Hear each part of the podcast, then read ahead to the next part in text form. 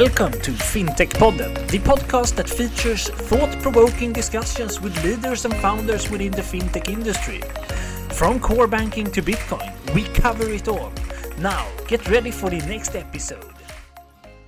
Hi, and very welcome to FinTech Podden, recording from Stockholm FinTech Week. Uh, today, in this episode, we have uh, Christine Lindmark uh, with us from SPP. Very welcome to FinTech Podden. Thank you so much. How has the morning been? You have been involved in the fireside chat.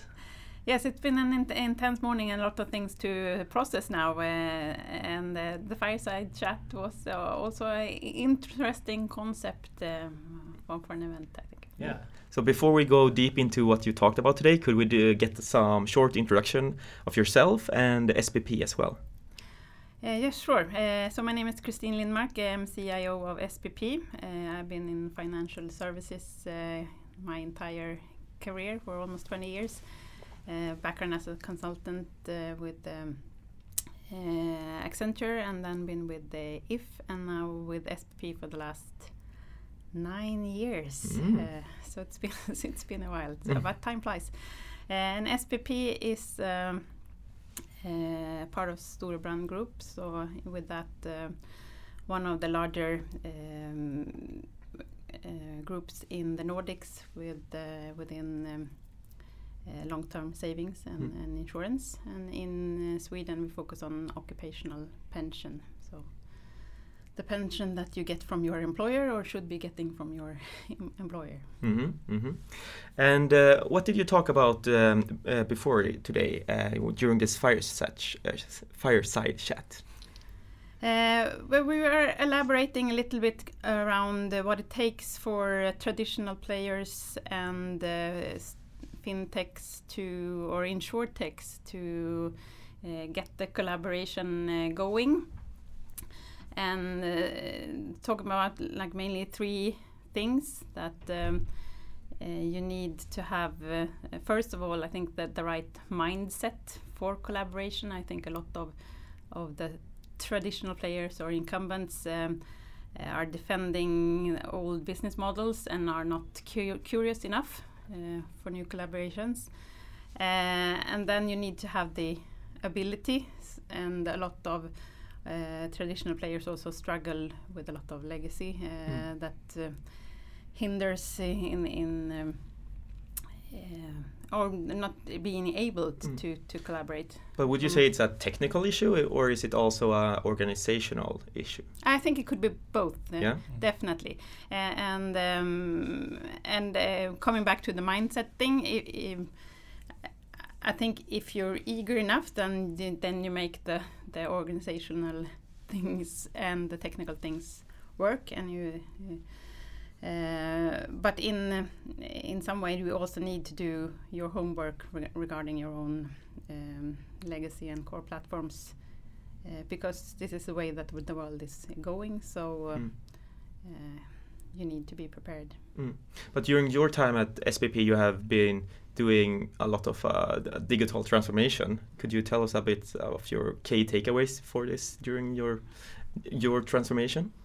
Uh, yes, we um, since 2015 we've been on a quite a large journey. Uh, we've um, had come to kind of a um, kind of a, a, corner where we couldn't uh,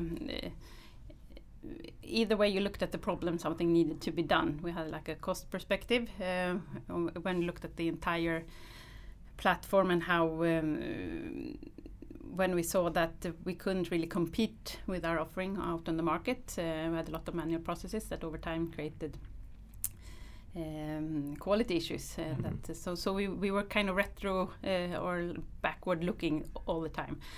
Uh, and uh, then on must perspective. It was uh, from from an IT. Uh, if you looked at it from an IT perspective, uh, we had a lot of sunsetting applications and and um, fragmented um, applications and technologies, and uh, we had the hard to find the right people for mm. for for the future.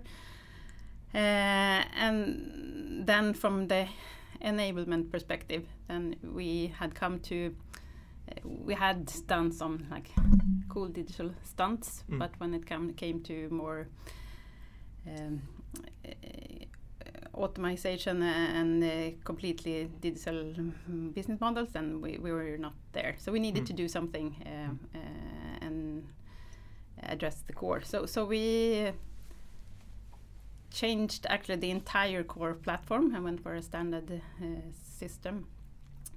Uh, and uh, with that, we also changed. Um, we use this kind of as a catalyst for change for, for Mm. SPP because we looked at all the processes Mm.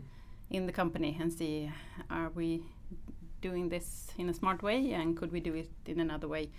Uh, so that has been very powerful in, Mm. in like a, a change that we needed to do anyhow. Mm. So so it's kind of went from an IT project to a Transformation. yeah. business transformation. Yes. But is this transformation, you would say, is it driven by a regulation? Like uh, within the banking sector, we have the PSD2 regulations that have been a driven factor behind the open banking movement. Do you have something similar within your industry, or is it mostly driven by the companies or the customer demand?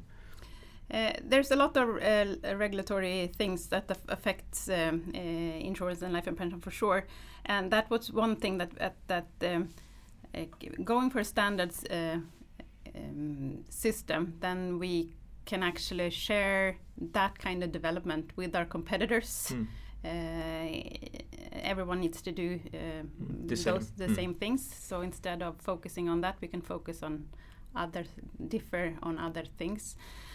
Uh, and then uh, uh, you're mentioning open banking, and, and of course we're looking. At, we, we don't have it yet for insurance, but uh, I'm sure um, something similar will will come as PSD2 for for insurance and. Uh, Like for, from the regulatory side. from the regulatory side. And and then from some from the collaboration side the or hygiene factor it will also be uh, expected from us. So we need to be we need to be there uh, and that we talk about that a lot in SPP that we need to be prepared for the unexpected. Uh, that's uh, it, it's hard now to predict where you need to be in, in five or even three years so you need to find Yeah, and, and talking about that, you mentioned before about this changing business models and so on, and, uh, this is always a hard topic to, to guess the future. But do you see any trends in the insurance industry uh, and insurtech for how, how, it's changing the coming years? Uh, I think that um, as an industry, we have been working in collaborations for a long, for long time. We have been working with uh, uh, brokers, for example.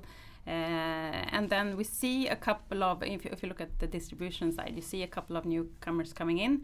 Uh, it's not um, very many, it, and it's not really disruptive yet.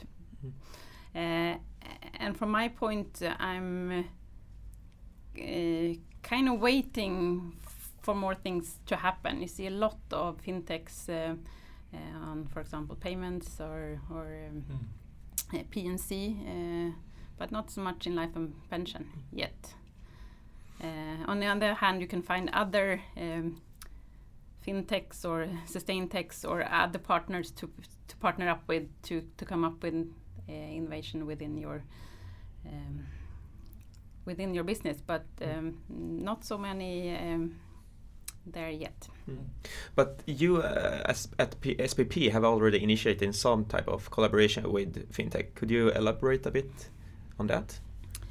Uh, yes, we have uh, a couple ongoing. Uh, uh, as I was mentioning on, on the distribution side, we have uh, Fort Knox uh, and we have Pensure. There are like two in our field digital Mhm. players, and um, it's been great to collaborate with them, and especially.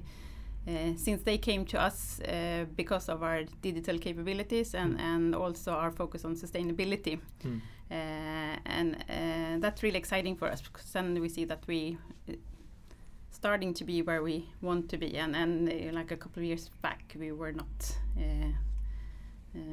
we were not there Mm.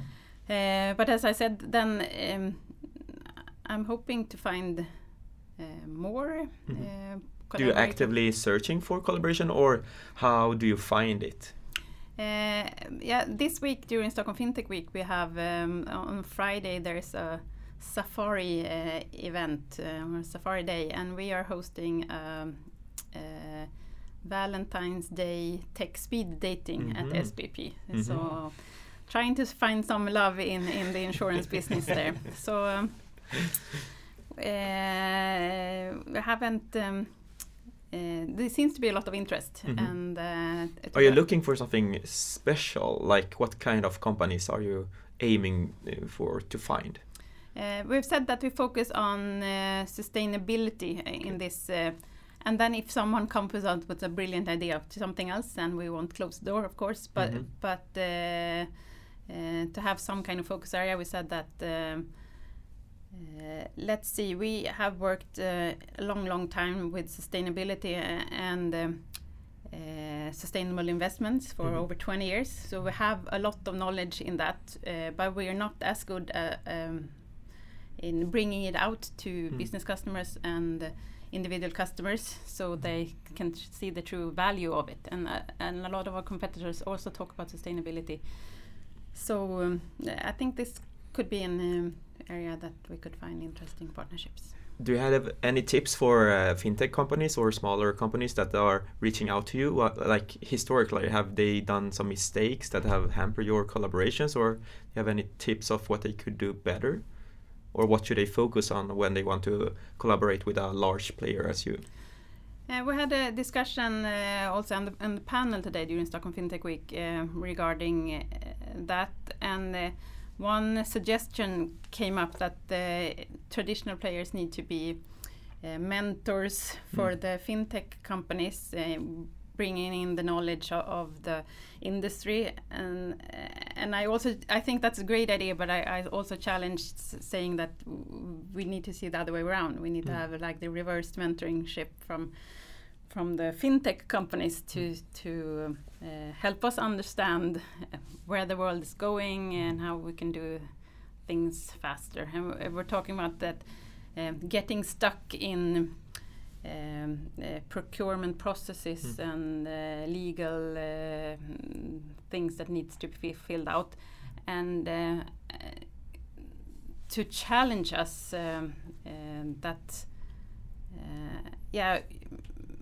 why do we need that from a from a legal perspective or or is that um, um, something that you uh, are you willing to take like a business risk because you see a huge opportunity so so there's always um, discussions that that we could take and I think that so that's what I mean with the mentorship uh, both ways to Mm. um, uh, get us get us to uh, understand that we need to move faster uh, and then with that maybe you need to cut some corners Hmm. Uh, of course staying within the legal boundaries Regulations. regulation of course I yeah hope, hope you find some fintechs on Valentine's Day. then. Eh, yeah it's gonna be fun to see Yeah. Uh, I think we have to round up. Uh, it's been really interesting discussion. Um, but to end up, uh, where can uh, fintechs or our listeners reach out to you or to SPP if they want uh, to get in contact with you? Uh, yeah, either if find me on, on LinkedIn or uh, we also have an email address fintech at spp.se. So Mm, that that's can, good. Yeah. So you can um, find us there. Mhm. Perfect. Yeah, All but right. thank you so much for this uh, conversation. Thank you so much. Thank you. Bye bye. Bye. And that was it for today's episode. We hope that you liked it. Both I and Johan are very happy and thankful that you're listening to us. And if you like what we do here, please go into iTunes or whatever platform you're listening from and leave a review or a rate. We would appreciate that a lot. We will soon be back with another episode, and until then, have a good time.